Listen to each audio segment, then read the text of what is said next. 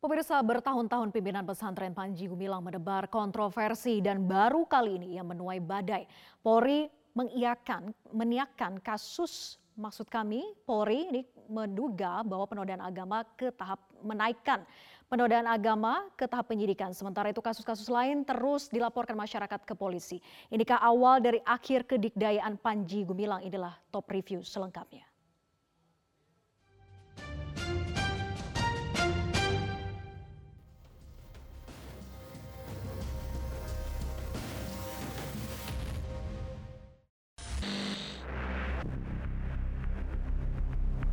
Inilah momen ketika pimpinan pesantren Al Zaitun Panji Gumilang keluar dari ruang penyidikan Bareskrim Mabes Polri Jakarta pada Senin malam. Panji Gumilang diperiksa selama 8 jam lebih dan dicecar 26 pertanyaan.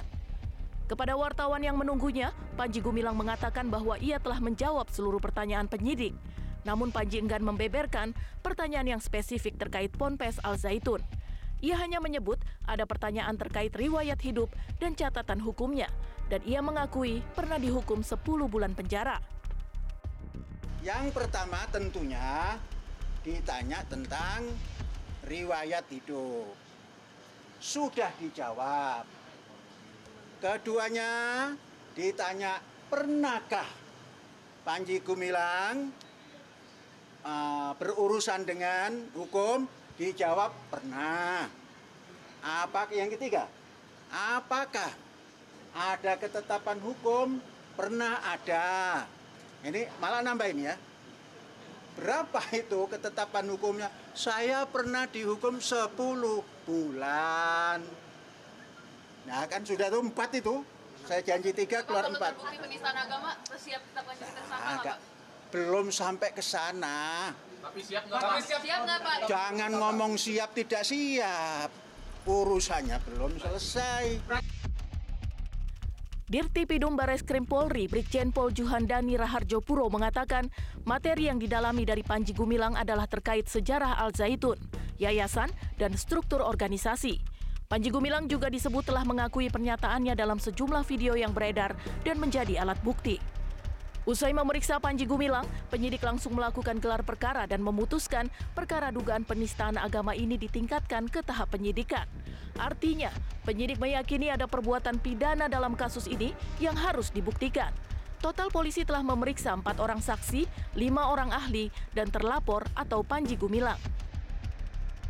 Selesai pemeriksaan, penyidik telah melaksanakan gelar perkara Adapun kesimpulan gelar perkara bahwa perkara ini dari penyelidikan dinaikkan menjadi penyidikan. Dan mulai besok terhitung mulai besok kami sudah melaksanakan upaya-upaya uh, penyidikan. Perlu kami tambahkan bahwa uh, kami sudah memeriksa empat orang saksi, kemudian lima orang ahli, dan juga uh, terlapor.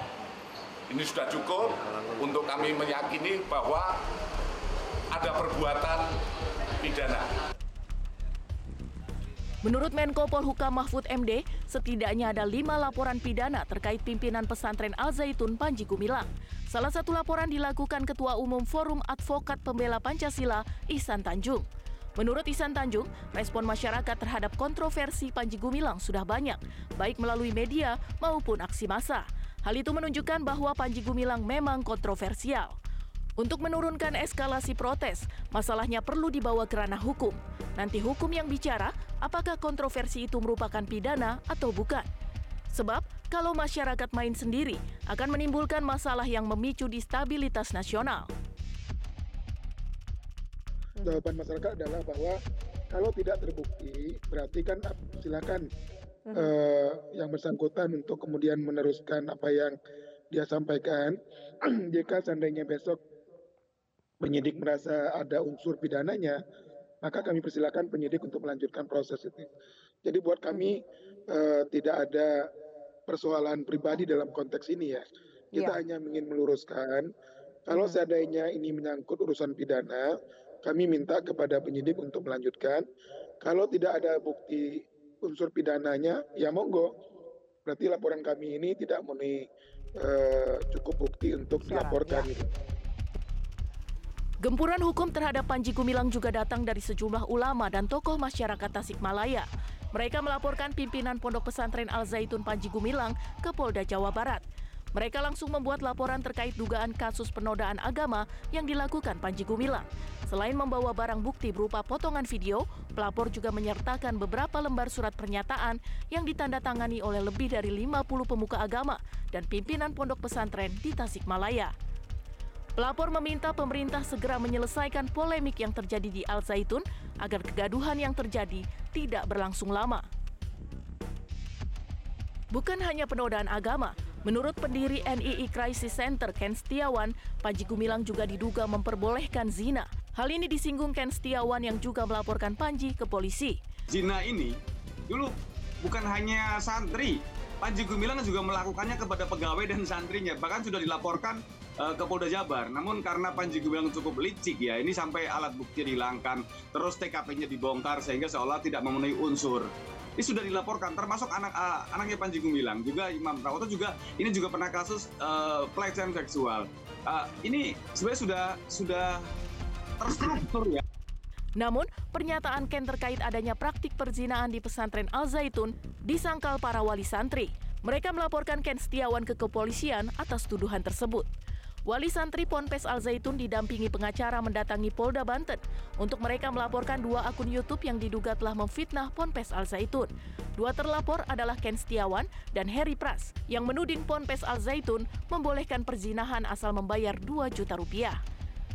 Laporan yang sama juga dilayangkan 13 orang tua santriwati asal Purworejo, Jawa Tengah. Salah satu wali santri merasa terhina dengan pemberitaan yang menyudutkan santriwati yang menempuh pendidikan di Al Zaitun. Sebenarnya bukan hanya Ken Setiawan yang mengungkap kasus asusila. Dalam aksi pada pertengahan Juni lalu, Forum Indramayu menuntut lima hal. Salah satunya meminta usut tuntas tindak pidana pemerkosaan atas laporan Kartini, perempuan asal Indramayu yang diduga jadi korban pemerkosaan Panji Gumilang. Yang pasti, Bares Krim Polri sudah memastikan ada unsur pidana dalam kasus Panji Gumilang sehingga statusnya naik ke penyidikan. Kini publik menunggu bagaimana proses hukum terhadap Panji Gumilang. Jika selama ini Panji Gumilang seperti tak tersentuh, apakah kesaktiannya akan berakhir? Kita tunggu. Pemirsa sebanyak enam warga Jawa Tengah mendapatkan kesempatan umroh gratis berkat undian berhadiah yang diselenggarakan Badan Pengelola Pendapatan Daerah atau Bapeda Jawa Tengah. Keenam orang ini adalah warga yang taat membayar pajak kendaraan bermotor. Sebanyak enam warga Jawa Tengah mendapatkan kesempatan umroh gratis berkat undian berhadiah yang diselenggarakan Badan Pengelola Pendapatan Daerah atau Bapenda Jawa Tengah. Proses pengambilan nama pemenang tahap pertama undian berhadiah 10 umroh dan wisata religi dari Samsat Jateng yang diselenggarakan Bapenda Jawa Tengah ini berlangsung di Perhelatan Jawa Tengah Fair 2023 atau lebih tepatnya di PRPP Semarang berlangsung hari Selasa 4 Juli 2023, proses pengambilan nama pemenang dilakukan secara acak oleh Sekretaris Daerah Jawa Tengah Sumarno bersama Edi S. Bramianto selaku Kepala Bapenda Jateng dan pejabat lainnya. Sumarno menjelaskan program ini sengaja dirancang agar masyarakat Jawa Tengah taat membayar pajak kendaraan, baik sebelum maupun tepat pada saat tanggal jatuh tempo pada periode pertama pengundian program 10 umroh dan wisata religi dari Samsat Jateng kali ini didapati lebih dari 4.461.000 warga Jawa Tengah yang telah membayar pajak dan berhak memenangkan hadiah umrah gratis. Dari sekian banyak warga, enam warga yang kemudian beruntung mendapatkan hadiah ialah Winarti asal Kendal, Aji Prasetya asal Selawi, Dwi Suprianto dari Semarang, Abdul Goni asal Pati, Warsini asal Karanganyar, dan Arif Setiadi asal Purwantoro. Oh, ya uh, undian ini adalah uh, dalam rangka memberi apresiasi kepada masyarakat Jawa Tengah yang sudah patuh dan taat membayar pajak kendaraan bermotor tepat waktu dan bahkan banyak juga yang uh, membayar sebelum jatuh tempo. Inilah uh, harapan kami bentuk apresiasi ini menjadi motivasi masyarakat Jawa Tengah yang lain untuk juga uh, membayar pajak kendaraan bermotor ini uh, tepat waktu. Karena apa pajak ini menjadi penopang utama pendanaan di daerah yang memang lebih uh, mudah kita arahkan sebagaimana usulan-usulan masyarakat di Jawa Tengah. Itu. Warga Jawa Tengah taat pajak lainnya pun masih punya kesempatan untuk memenangkan undian tahap kedua pada November mendatang.